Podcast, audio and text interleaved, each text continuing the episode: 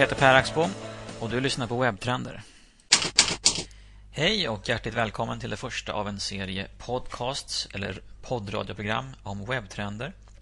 Idag är det den 30 maj 2007. Företag och organisationer förflyttar en ökande andel av sina verksamheter in i den digitala världen som utgör internet. Både vi som vill och de som inte vill måste då också förflytta oss in i detta virtuella vimmel för att utföra våra dagliga ärenden. Företag vill effektivisera verksamheten och distribuera innehåll på ett kostnadseffektivt sätt. Gärna så att kunder och besökare sköter sin egen informationsförsörjning. Samtidigt ställer vi som människor och individer allt högre krav på att få vara med och påverka innehållet på webben. Vi förväntar oss ett ärligt, korrekt bemötande och att någon lyssnar och reagerar snabbt på våra behov. Samtidigt börjar också vanliga människor konkurrera om informationsutrymmet på samma villkor som massmedierna. Vem det är som styr spelplanen är just nu svårdefinierat. Sant är dock att vi alla förr eller senare måste ge oss in på informationsmotorvägen. Ett begrepp som du aldrig hör nu för tiden men som i början av 90-talet var faktiskt mediernas sätt att beskriva den webb som komma skulle. Informationsmotorvägen eller Information Superhighway. I programmet Webbtrender pratar jag om begreppen som idag definierar denna motorväg. Sociala nätverk, communities, RSS, poddradio, användargenererat innehåll och web2.0. Det är inte alltid helt lätt att hålla koll på allt nytt samtidigt som man försöker hålla en befintlig webbplats vid liv. När ska man egentligen göra vad och varför?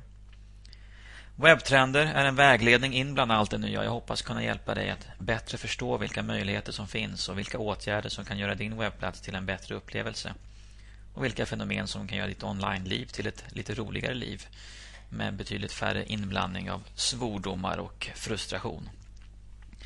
Jag tar upp aktuella fenomen på internet, gör en ansats till att förklara dem och hur du på bästa sätt använder dig av dem. Jag har ett tydligt fokus på användbarhet och tillgänglighet. Inte bara ur ett användarperspektiv utan jag har lika stort fokus på användbarhet för dig som står bakom webbplatsen. Jag är också en anhängare av webbstandarder samtidigt som jag ibland kan föra fram viss kritik mot de som skapar standarder. Att kritisera de nya riktlinjerna från W3C och VAI är för övrigt ganska trendriktigt. Jag som producerar programmet heter Per Axbom och en person som lever och andas webb. Jag har innehaft de flesta roller inom webbproduktion och är idag webbstrateg på Excellent Consulting Group. I programmet tar jag upp teknik, tankar och idéer som har hjälpt mig och som jag hoppas kan hjälpa dig som lyssnar.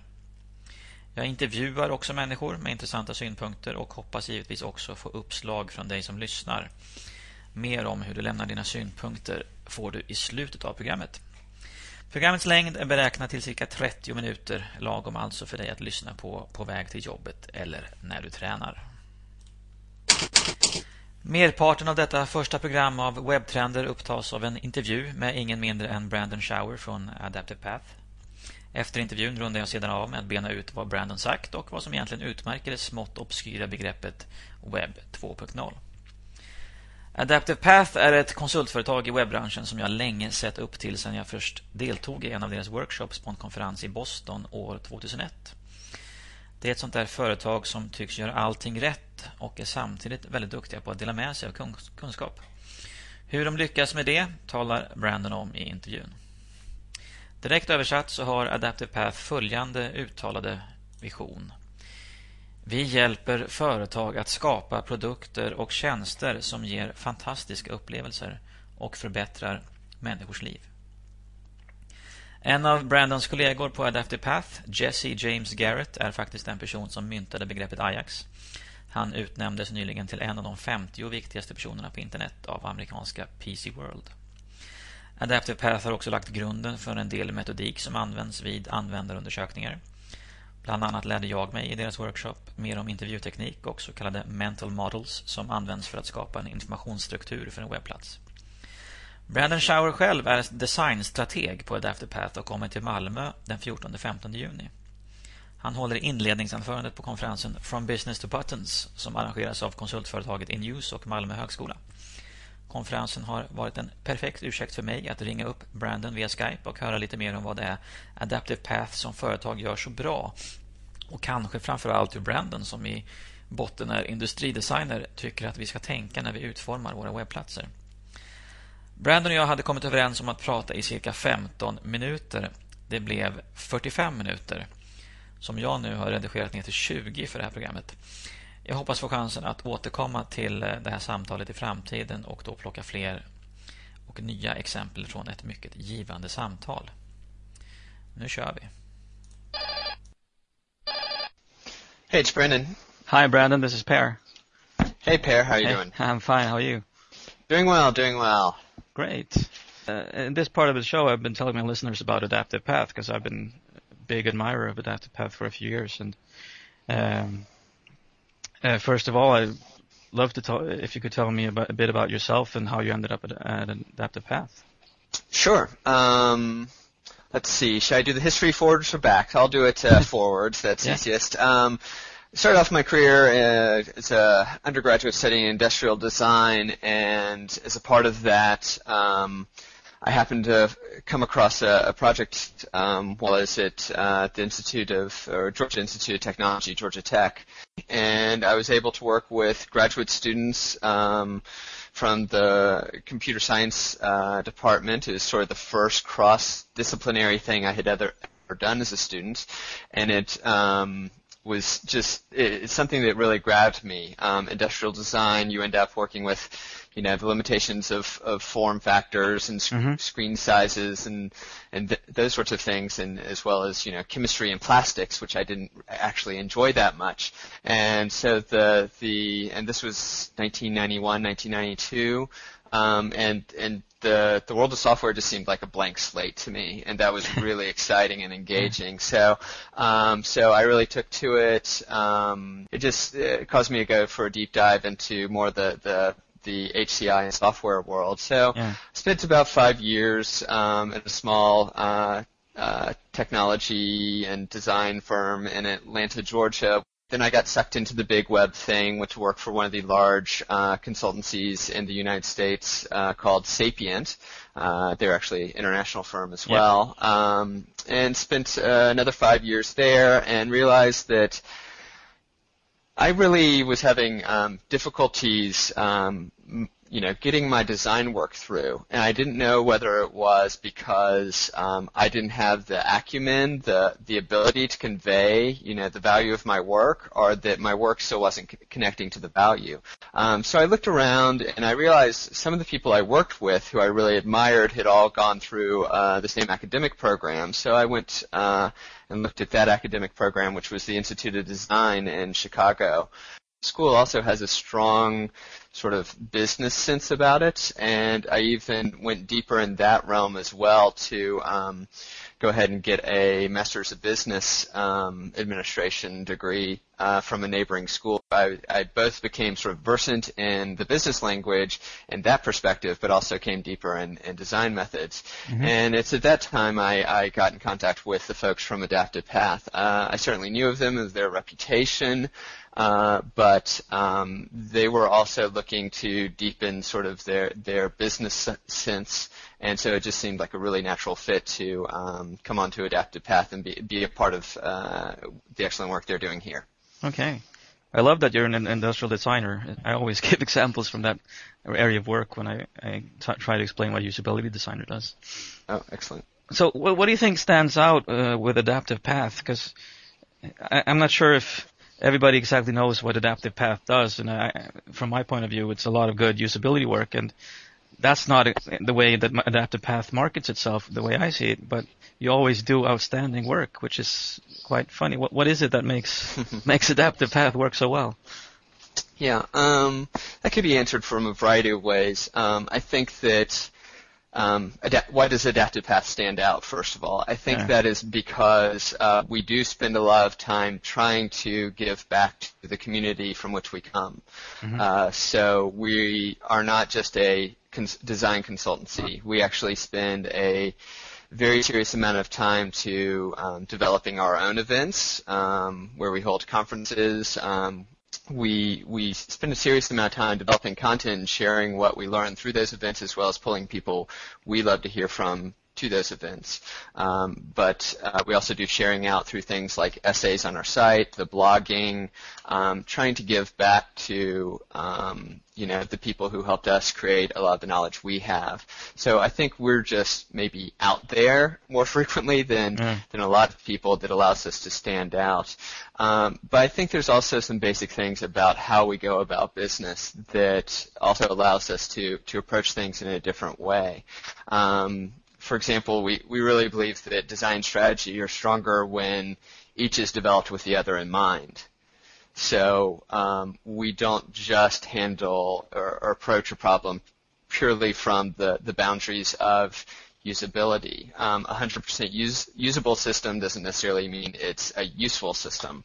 Mm-hmm. Um, so we spend a lot of time focusing on those other dimensions of what's actually going to be compelling um, to the to the end user, what's going to capture imagination. Um, at that point, you know, it, people will um, engage with with the usability of your product at a much different level. Uh, so we focus a lot at deeper insights of customers um, and and try to as well bring in um, a good sense of how can technology be applied in a really useful manner. I think that's why, for example, Jesse's been uh, Jesse James Garrett has been so mm-hmm. successful in in coining the term Ajax because he realized the value of it and was able then to explain it in a very simple way about the way it benefits the end user.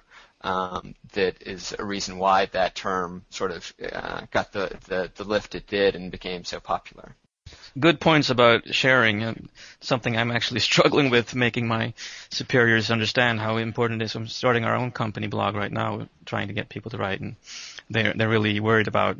Well, should it really be public? What about our like business secrets? And um, well, basically, the, the the more we share, I I think uh, the better or or more well known we will be, and uh, that seems to be the way you're thinking as well.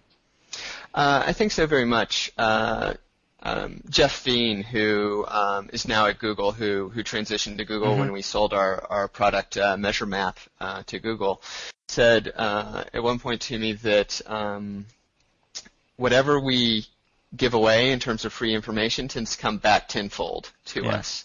Um, so that's either through yes, it's through uh, things like notoriety and being able to stand out, but also I think it's just the the um, freedom with which other people share information back with us and really create a discussion rather than us just being a siloed set of ideas within our own organization. We get to vet our ideas, test them out. We're certainly not right all the time. Mm-hmm. Um, and so that really allows for some discourse that otherwise would be just trapped within these walls and wouldn't be nearly as rich. So um, it comes back to us in the form of business, but it also comes back to us in the form of ideas. Yeah. Yeah really good points. Uh, and and about uh, well, getting into the deep end of the business with the clients, and it, it strikes me like, uh, well, um, if we want to do a usability survey, do a usability study, uh, usually the clients uh, uh, are worried that it will cost too much and it's hard to get the return on investment mm-hmm. discussion going and making it real. And yep. of course, some some methodology, of course, is the best way to go, and some of it is the most cost-effective way to go, and some is some is cheaper than the rest. And how would you argue with the client when you want to do a, a specific study? And, yep. Um, usually these days we get into the arguments not as much around usability. I think there's a good bit of um, uh, backing for the kind of research of okay before we go to market and commercialize this idea we really need to validate that um, that it is usable and so we don't tend to have as many arguments as with that as it is um, more the the upfront user research where okay. um, there is very um, it's very hard to tell someone what they're going to get out of some very qualitative um, research of going into some uh, the world of a user and maybe through direct observation going into their home and looking mm-hmm. at all the things they do now, the context in which they work, um, what triggers their behaviors, what influences do they have around them if they're trying to, let's say, make decisions through your product or service. From a business standpoint, though, I think that kind of upfront user research really falls into about three different areas. Mm-hmm. Um, first of all, it's risk reducing, and that's usually what businesses really like to hear is, okay, so you're going to, you know, through through you know three or four work, weeks of work, you're going to help us, you know, better target where our product or service goes, and you're going to reduce the risk of us developing something that overall will not end up being useful or um, compelling to, to the audience we want to go for. Uh, so that can be interesting. Second, um, I think there's the sense of just um, opportunity development for business with research that um, we don't know what's out there. We want to find opportunities, and it's a true R&D type of activity that you're doing and that's really rare. There's not many businesses who are ready to just go out there and, and say fish for mm-hmm. new ideas through research. And um, and often there are very special uh, research firms um, that that are very focused on that. So um, not often do we see that kind. Um, but thirdly, uh, something that we do a lot and is sometimes the hardest to to explain the value of, but is just going out in the field to develop empathy um, which can be done very quickly with a small number of interviews of, of let's just actually go and see what the life of a real user or a real uh, customer is really like mm-hmm. um, and gain appreciation from their eyes so that we can walk a mile in their shoes and understand um, the services, how they perceive the services that are available now. And you just learn so much. A lot of it is is uh, uh, stupidly obvious once you hear it, but um, until you actually, you know, live through through their experiences, um, you don't feel it as strongly, or or you may have not come across that stupidly obvious idea just because you're sitting in a cubicle or at a desk and not from the the customer's perspective. Mm-hmm. Yep. Wow. That's great. Uh, um, I suspect you're actually talking about some of the things you're going to talk about in Sweden when you're coming here in June. Uh, from what I understand, you're actually opening the conference. You're the keynote speaker the first day, and you're talking about strategic experience design. Yes, the, that would be it. Um, I, yeah, I'm very excited to uh, be keynote, excuse me, keynoting the event. Um, the topic is really looking at where where we've been in terms of user experience and where we're going. Um, for example, at the beginning of this talk, you you referenced um, industrial design as somewhere where you pull examples from. Um, when we are talking to uh, Tim Brown, who's the CEO of um, the product and innovation firm IDEO, he um, he had uh, said to Peter Merholz and myself um, that hey, this is a young field in terms of experience design. There's not a lot of history to draw on. Um, so you really have to look to other disciplines a lot, like product design, like architecture, because there's such a longer and richer history of uh, where these guys have um, gotten over a lot of the um, bumps and obstacles that that user experience is still trying to work through, and that has caused me to take sort of a, a perspective of what's what's sort of the short history of uh, experience design, HCI, usability, this whole area that that all of us work within, and what I saw is, you know, first of all, is just making it possible. Going from the world of punch cards to um, the first spreadsheet was huge leaps in capabilities, and you really have to give a lot of props to people um, who who have um, who have gotten that work through and made that happen but then moving forward through history, you know, we've we've moved into things like usability, and let's really focus on um, systems that not only don't hurt, um, but are actually um, pleasurable to use. Um, and and I think there's there's been a lot of refinement in that area, and um, not that it's it's reached its peak, but I think that um, that on top of usability now, we've certainly started building the, the argument of value. I think that's something that the dot-com bust had rushed in um, and, and forced a lot of people to take a deeper look at is what's the cost uh, versus value trade-off that um, things like usability, things like interface design is going to uh, contribute uh, to a problem, to a product.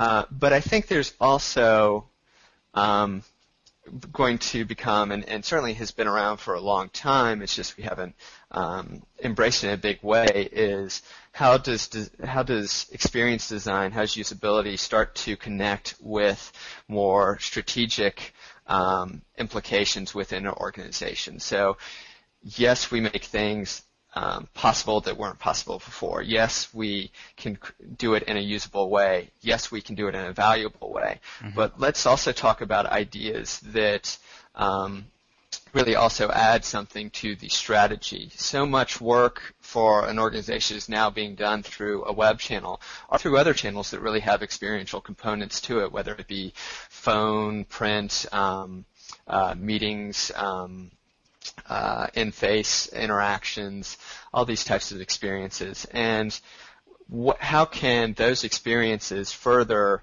the strategies of a business? What are what ideas that we develop and, and vet and test and interact with, with customers, what ideas um, are really going to be in alignment with the other core strategies of business. And so I'm going to try to explore a few ways of, of thinking about that, um, some examples where that's been done really well, and um, how it can really add even more to the bottom line of a business. Right. Uh, a lot of clients of ours are now well, it's like the it's the second dot com boom now. And people are coming to us. We want communities on our site, and um, breaking that down into well, what, how does that really benefit your business? Well, Ajax would be a good example. Of course, everybody wants mm-hmm. Ajax. Mm-hmm. Um, how do we turn that around and, and make them realize what what you really want? Is it's not Ajax; it's something that you want to achieve with your business. Yeah, um, it, it, feels like the the community stuff from the you know late '90s all over yeah. again. In some yeah. ways, when you talk about the the Web 2.0 community was so hot back then, it's like oh we need really need this you know yeah. bulletin board style interface where people can come and chat about you know barbecue on barbecue.com, and uh, it it um, sometimes just failed miserably. Um, the same thing certainly can happen from the, the more Web 2.0 perspective of we want user generated content, which could just be in, in some cases of how you implement it, just a norm, another you know form of community building. Um, so I think we try to track, uh, and this is where um, upfront user experience re- or upfront user research can be really valuable. Is what are the discussions that are happening anyway? Um, for example, before you buy a certain product or make decisions as a part of a certain service. Mm-hmm. Are you talking to people anyway? Are you trying to get a sense of what others are thinking um, anyhow? Or is it actually more valuable for us to just pick up an, on not actual other user generated content, um, but actually just other patterns, um, mm-hmm. like the Amazon approach of, you know, other people who looked at this book ultimately ended up going and buying this book. Um, sometimes just uh, lighter forms of, of collaboration between users, even passive forms like that, um, can be more valuable. So we spend a lot of time looking at not just um, a single form of contribution to to a, a system like uh, people entering comments, or but across the range because there's a lot of um, simpler ways to interact. There's certainly lighter things like adding a tag or adding a rating or just um, um, uh, by the fact of looking at something or, or clicking to a page where the the experience can be a little bit more emergent and respond to those types of behaviors and whether it's helping with pathways, helping you know, exposing the trends not only to the business but also to your customers, they can yeah. be really valuable. Yeah. I read, I read a really interesting article in the Swedish daily newspaper the other day about uh, user-generated content. It was actually about media culture and how uh, the way uh, we act today is more more relevant or more like the way that we interacted in in the, in the Middle Ages, where people were out talking on town squares and sitting down and telling each other, each other stories. And ni- the 1900s have been people sitting in front of a television all the time, and all of a sudden everybody's producing content, which is quite interesting. Mm-hmm. Yeah, it is really interesting. We're getting back to a little bit of a, you know, there there in some parts of society was a letter writing culture at some point, and in some ways yeah. we're we're getting back to that. Although our form is a lot messier, less eloquent, and um, but probably more more democratic and open. Mm-hmm. So true. Okay, I think we'll actually have to wrap up now. okay. uh, it's been really great talking to you.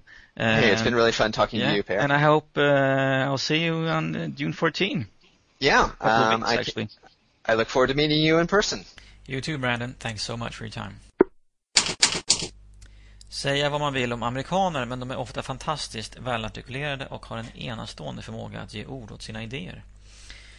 När jag frågar honom om vad det är som gör Adaptive Path så framstående inom branschen så för Brandon fram idén om att man som företag kan skapa sin position genom att dela med sig av kunskap. Och inte bara det, genom att dela med sig av kunskap skapar man också en dialog och de anställda lär sig också nya saker. Adaptive Path har dels en företagsblogg eh, och de flesta anställda har också en egen privatblogg. Och Det är ingen motsättning utan snarare ett sätt att nå ut till fler. De anordnar också seminarier och konferenser för att nå ut och skapa dialog. Och Genom att vara mer närvarande hos sina intressenter, även fysiskt, då, så syns man mer. Man får bra renommé. Man hittar kunder. Man hittar framtida kollegor och ökar samtidigt sin kompetens. Och Argumenten för öppenhet kan ju egentligen inte bli Eh, mycket tyngre än så. Brandon citerar också eh, Jeff Wien. Eh, vad vi ger bort i form av gratis information kommer tillbaka till oss tiofaldigt, säger han. Vi har inte alltid rätt, men genom att ha fel lär vi oss och uppfattas som mer mänskliga. Brandon och jag pratar också om usability kontra user research. En webbplats handlar inte bara om användbarhet och användarvänlighet. En bra webbplats är engagerande och fantasieggande. Och för att uppnå det måste man ha en djup förståelse för sin målgrupp och kunskaper om hur ny teknik kan användas. En metod som Brandon pratar om är användarundersökningar med syfte att skapa empati för målgruppen. Genom att befinna sig på plats där målgruppen lever och verkar så får man en bättre förståelse för behov, förkunskaper och förmågor. Vad målgruppen gillar eller undviker. Brandon nämner också ett skifte från att fokusera på användbarhet till att fokusera på värde. Han syftar på det värde vi ger användarna genom att erbjuda en viss tjänst eller utforma tjänsten på ett visst sätt. Han beskriver väldigt mycket kring det som jag ser som byggklossar i den nya generationen av webbplatser. Det som vi ofta kallar webb 2.0. Om jag dristar mig till då till att eh, utnämna tre byggklossar i det som utgör webb 2.0 så vill jag börja med eh, en ökad förmåga för företag att dela med sig av information och använda ny teknik. Till exempel då i form, form av bloggar och wikiwebbar. Företagsbloggning är ju på frammarsch, eh, har givetvis inte slagit igenom stort ännu men eh, man märker att när det används så ger det effekt. En andra byggkloss eh, som jag vill nämna är rikare upplevelser. En högre grad av interaktivitet och möjligheter att göra saker på internet. Till exempel då genom Ajax och Flash. Och Det ser man väldigt mycket av dem eh, på de webbplatser som nämns i samband med Web 2.0. Att man kan faktiskt ja, utföra sådant som var förbehållet applikationer på datorn förut. Till exempel så kan man nu köra Word och Excel-liknande program direkt i webbläsaren. Och En tredje byggkloss eh, skulle då vara förmågan att släppa kontrollen och makten över informationen till användarna. De kan både påverka informationen och ta del av den på sina egna villkor genom till exempel RSS-flöden. Och Den är väl kanske den svåraste tröskeln att ta sig över. Att inse att man måste låta användarna, som i viss mån också är experter inom ämnet eftersom de är intresserade av det du har att erbjuda, låta dem eh, komma till tals på något sätt. Men i kommande program så pratar jag mer om just detta, om wikis, om Ajax, om RSS-flöden och hur du med hjälp av den nya tekniken kan skapa just mer värde för dig själv och för webbplatsens besökare. Härnäst på agendan står dock mitt besök på konferensen From Business to Buttons där jag får tillfälle att träffa och lyssna mer på branden och andra smarta människor. Innehållet i nästa program kommer då givetvis genomsyras av intryck från konferensen. Jag vill väldigt, väldigt gärna höra från dig som lyssnar. Information om programmet och dina möjligheter att mejla, ringa eller skypa in hittar du på programmets hemsida webbtrender.se. Jag vill också passa på att framföra ett stort tack till Sue Party som står för vignettmusiken. Du hittar en länk till bandets webbplats och andra länkar i programnoterna på webbplatsen. Kom ihåg, kunskap är obetydlig om man inte delar med sig av